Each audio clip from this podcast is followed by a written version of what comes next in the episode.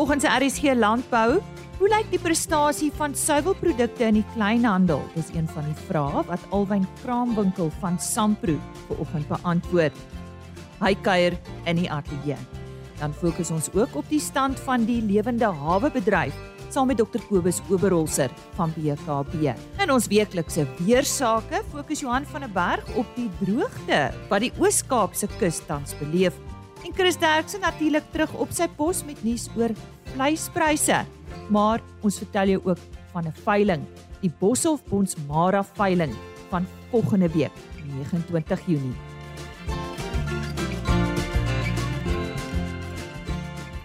Dis Lise Roberts wat groet vir oggend vir nog 'n aflewering van RSG Landbou. Ek het vroeër in die week verwys na 'n e-pos wat ek van 'n luisteraar ontvang het oor die droogte in die Oos-Kaapse kus. Die gedeelte het reeds dag 0 bereik en uh, die luisteraar het gevra waarom Johan van der Berg nie op hierdie provinsie of gedeelte van hierdie provinsie fokus nie. Johan, kom ons fokus daarop vir oggend. Wat se nuus het jy vir ons? Ons weet dit gaan swaar met daai mense. Môre. Môre Lise.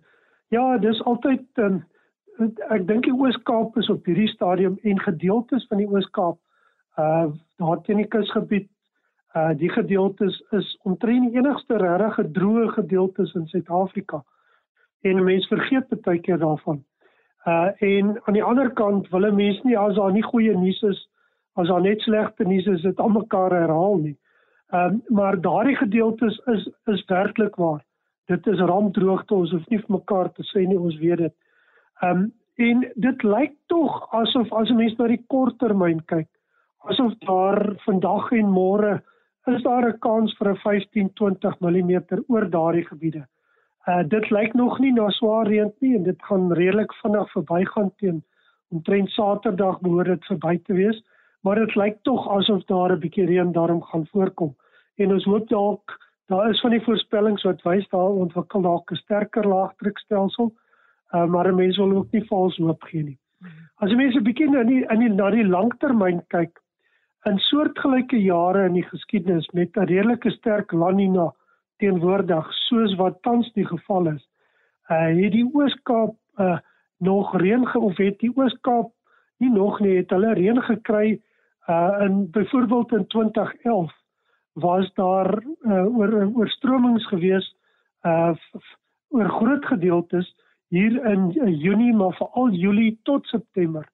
So die kanse is daar met die La Nina wat so sterk is en die reën wat nou nog oor ander dele van die land baie voorkom dat die Oos-Kaap se beurt ook gaan voorkom.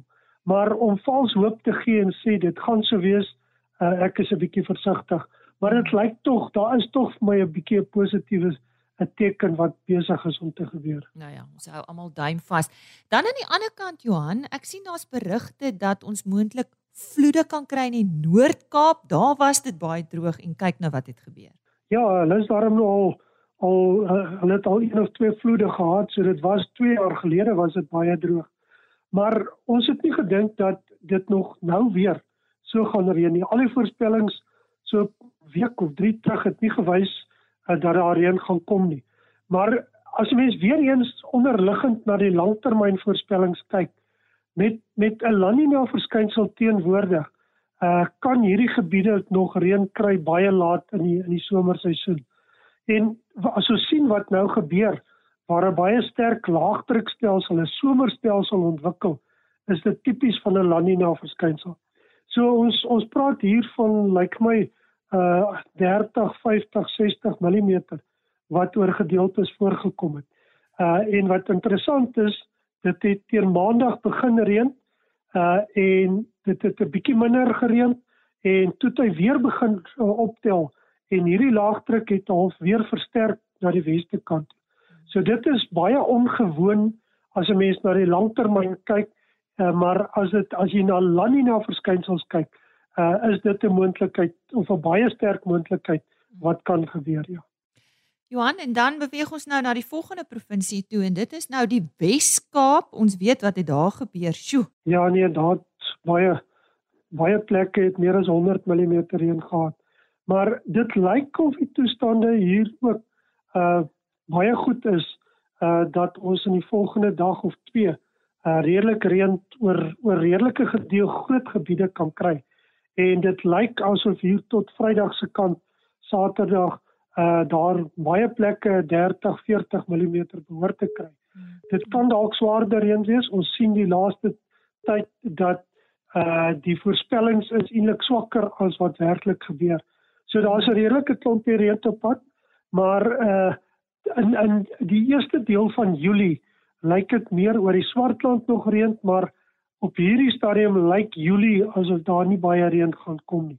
Hmm. Maar vir die Weskaap, maar ons hoop maar dat dit verkeerd is. Ons sien die voorspellings uh verander geweldig vinnig en ons hoop maar dat dit ver, verkeerd is.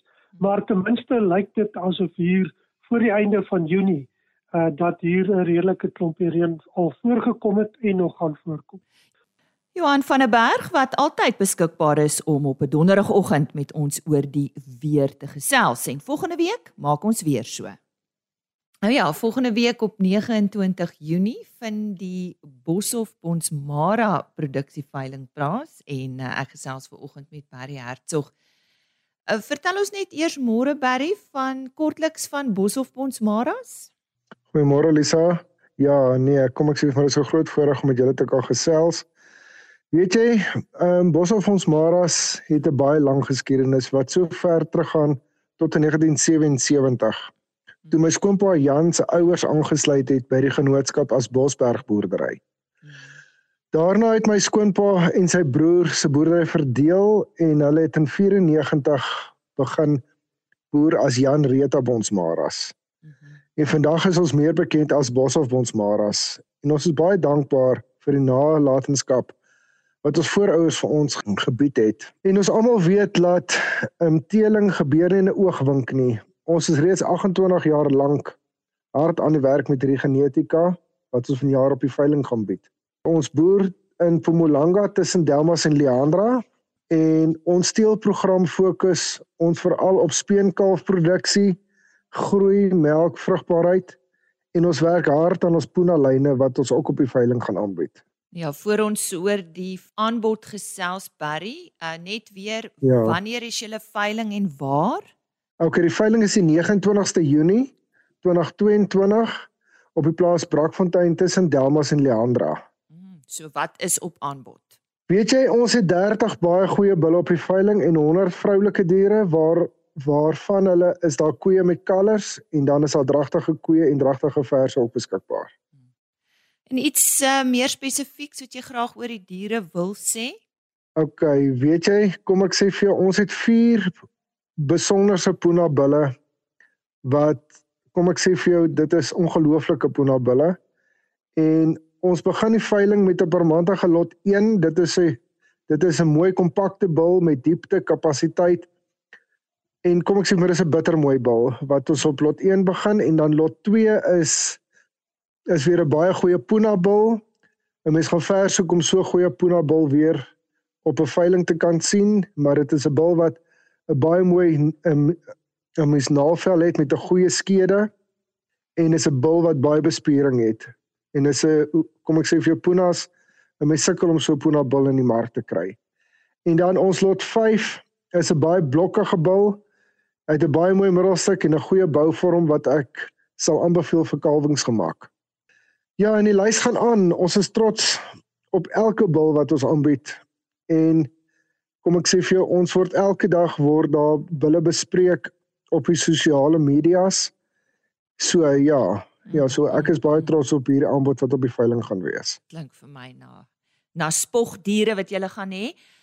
Barry, uh, net om jou af te sluit, uh, wie bied vir julle die veiling aan? En indien daar mense is wat graag met julle wil gesels, kontak besonderhede uh, van iemand wat dalk meer inligting oor die diere het. Ehm um, ja, kom ek sê vir se BKB, ehm um, dis standaard on bied ons veiling aan. En hulle hulle kan my kontak by 082 320 5952 of hulle kan vir Tilly Crawford, hy is ons bemarker ook by BKB. Sy nommer is 082 331 2038. OK, dan kan hulle gerus op ons Facebook bladsy en ons um, Instagram bietjie gaan rondkrap. Ehm um, daar is nou kom ek sê vir al die bulle se video's is beskikbaar op YouTube kanaal ook. En daar's 'n paar besprekingsvideo's waardeur meneer Dani Olivier ook 'n groot 'n uh, mense teeler van die Bonsmara Telersgenootskap en wat wat is of ons so 'n paar bulle bespreek ook um, daarop. Goed, kom ons ja. sluit af met uh, net 'n herhaling van een van daardie telefoonnommers asseblief Barry of joune of Gillie se asseblief. Jy kan my kontak by 082 320 5952. So sê Barry Hertzog, hy het vandag gesels oor 'n veiling op 29 Junie en soos hy gesê het, hulle boer daar tussen uh, Delmas en Leandra en die veiling is die Boshoff Bonsmara veiling. En nou vir 'n gesprek wat ek vroeër gehad het met Dr Kobus Oberholzer van BKB. Hy is hulle hoofbestuurder lewende hawe en afslaarsdienste. Kobus baie dankie vir jou tyd vandag. Uh, ons gesels oor die lewende hawe bedryf in Suid-Afrika. Hoe hoe gaan dit tans met hierdie bedryf en nie net lewende hawe agente nie, maar die bedryf um as geheel?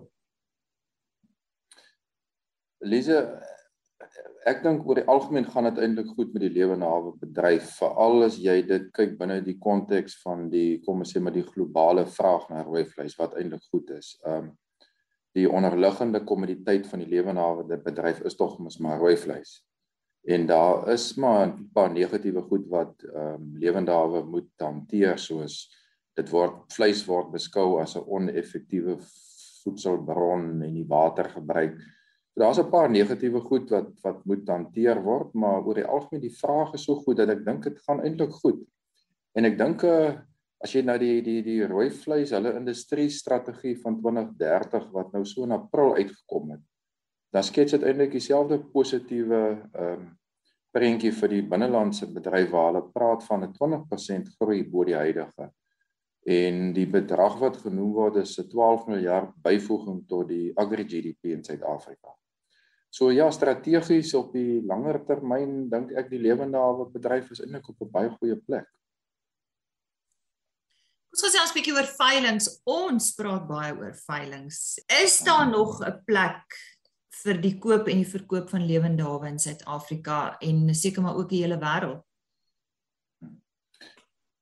Liesel so onlangs in die media was daar redelike groot geraas gemaak van 'n Amerikaanse groep wat in Buenos Aires in Argentinië 'n nuwe veilingskraal gebou het waar hulle 8000 beeste in 3 ure opveil.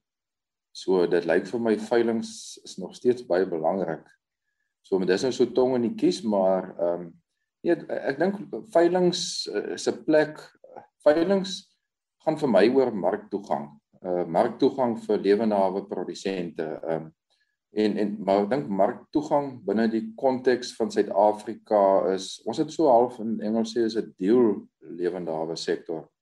60% van ons diere is in die hande van kommersiële boere, maar 40% is in die hande van opkomende boere. So ek dink veiling se plek is nog steeds 'n bydraende rol om marktoegang te verseker. Ehm um, en dis waar veilings my beskeie mening is nog steeds dat veilings is 'n baie deursigtige prysmakende meganisme in die mark. Ehm um, maar ek dink iets wat baie mense vergeet wat veilings ook na die markplek toe bring is eintlik in terme van risikobestuur. Ehm um, want onderliggend tot die veilingsproses is daar eintlik baie prosesse wat risiko's aanspreek van mense wat nie betaal nie of ehm uh, dokumentêre bewys van sekere goed. So so ja, ek dink dit 'n plek om speel, maar ek dink ook nie net as 'n prysmakende meganisme nie, maar ook om sekere risiko's te bestuur veral vir verkopers. As jy sê dat veiling steeds 'n belangrike rol speel, wat sal jy sê is die grootste uitdagings? Dis ehm um, ja, daar's altyd uitdagings en jy kan seker 20 opnoem. Maar ek dink redelik baie van hulle is bestuurbaar. Maar die die grootste uitdaging huidigelik en dis nou 'n baie topical ding is die uh uitbraak van die back and close hier wat nou gereeld voorkom. Ehm um, en eh, ek is van mening dat ons moet eintlik vir ons voorberei dat and close hier half deel van ons besigheidslandskap gaan bly as ons praat oor veilinge. Um, en dit is dit dit gaan van ons uitdaging wees hoe gaan ons na speurbaarheid implementeer? En daar's baie gesprekke in Suid-Afrika oor LITS byvoorbeeld, the Livestock Identification and Traceability System. Ek dink is 'n groot uitdaging wat moet gebeur. Ehm um, maar ek dink 'n ander uitdaging wat ons nie moet uit die oog verloor behalwe diere siektes is uh uh dierewelsyn. Ek dink dierewelsyn En ons by BKB ervaar dit op die wolkant ook. Dierewelsyn raak net so belangrik, die manier hoe ons diere hanteer. Um, en dan ek dink 'n derde uitdaging by lewende hawe wat ons ook baie keer gemaklik vergeet is die logistieke gedeelte rondom lewende hawe. Daar's 'n groot logistieke oefening agter lewende hawe. En ek dink in die toekoms deur slim gebruik te maak van veilingsentrums sowel as digitale platforms dan kan ons die die die die kom ons sê die voorsieningsketting tog 'n bietjie meer optimaliseer. So ek sal dink ek sal dit saamvat en sê daar's drie groot uitdagings. Dis diere siektes waarvan back and closure groot is. Uh diere welsyn en en om logistiek en die voorsieningsketting meer effektief te maak. Kobus, hoe sien jy die rol van die lewende hawe agente soos uh, soos BKB in die toekoms? Lees soos ek nou eh, vroeër ook gesê het, ek ek ek ons ons glo nog steeds dat veilinge het 'n plek en daarmee het lewende hawe agente 'n plek. Ehm um, want ek is nog baie beskeie mening is is dat veilinge bly 'n baie deursigtige prysmakende meganisme wat 'n belangrike element van die markplek is. En ek dink hierdie rol um, is is baie belangrik vir ons. Um, maar ek dink ons rol in die toekoms gaan net so 'n paar dimensies bykry, soos byvoorbeeld biosekuriteit. Um, ons raak al hoe meer gereguleer in terme van biosekuriteit. En ek dink ons rol vorentoe is ook die verskaffing van infrastruktuur om veilinge aan te bied want jy kan eintlik nie biosekuriteit afdwing as jy nie die regte infrastruktuur het nie. So ek dink dis belangrik en ek dink 'n ander dimensie wat deel van ons rol gaan raak is is dokumentêre prosesse wat geaudit kan word en 'n naspeurbaarheid kan verskaf. Um, en ja, seker dan seker een van die belangrikste rolle binne die konteks van Suid-Afrika is is om op 'n baie effektiewe manier ons opkomende boere saam te vat op hierdie roete van ons. Dit was dan Dr Kobus Oberholzer, hy is van BKB, hoofbestuurder lewende hawe en afslaersdienste. En hy het vandag oor die lewende hawe bedryf in Suid-Afrika gesels die uitdagings rondom veilinge en die toekoms van veilinge. Dis nou tyd vir Chris Derksen om ons te vertel wat hierdie week met vleispryse gebeur het. Nou hierdie pryse is behaal by veilinge in die Noord-Vrystaat. Môre Chris. Goeiemôre Lisa aan al ons medeboere. Hiermee is ons verslag vir Woensdag die 22ste Junie. Daar's 'n paar baie interessanthede. Dis baie interessant dat in beeste is vetbeeste per kilo duurder as maarbeeste, maar in skape is dit andersom. En ek kan nog nie 'n verklaring daarvoor gee nie. Tweede ding is kleinvee is baie hoog op prys. Daar's 'n hele paar groot godsdienstige feeste die tyd van die jaar wat ook die pryse opdruk, maar diefstal onder kleinvee is besig om ons absoluut mal te maak. Beespryse en speenkalfpryse is baie stabiel en behoort seker eers in Augustus maand regtig enige stygings te wys. Maar ek gee vir julle die presiese pryse. Speenkalvers onder 200 kg het gegaan vir R40.11 per kilogram lewende gewig. Dan van 200 tot 250 kg R37.15 en oor 250 kg R36 presies per ja, per kilogram lewende gewig. A klasse was R33.52 B-klasse R26.35 vetkoeie R25 presies 25 verskoning R25.30 en maarkoeie het gewissel van R18 na R20.12 slagbulle was R25.75 en dit is interessant dat slagbulle eintlik die konstantste stabielste prys van alle vee het. Skape is stoorlammetjies die mooi prys van R55.78 slaglammers R45.13, stoorskape R38.54 en vetskape R35.44. Bokke was lammertjies R60.24 en o het die mooi prys van R43 presies. Indien ons van enige verdere hulp kan wees, u kan ons dan of gaan na www.vleisprys.co.za of u kan ons skakel by 082 8075 961. Baie dankie. En so sê Chris Derksen, hy maak ook volgende week weer so. Kom ons herhaal net daardie webtuiste www.vleisprys.co.za.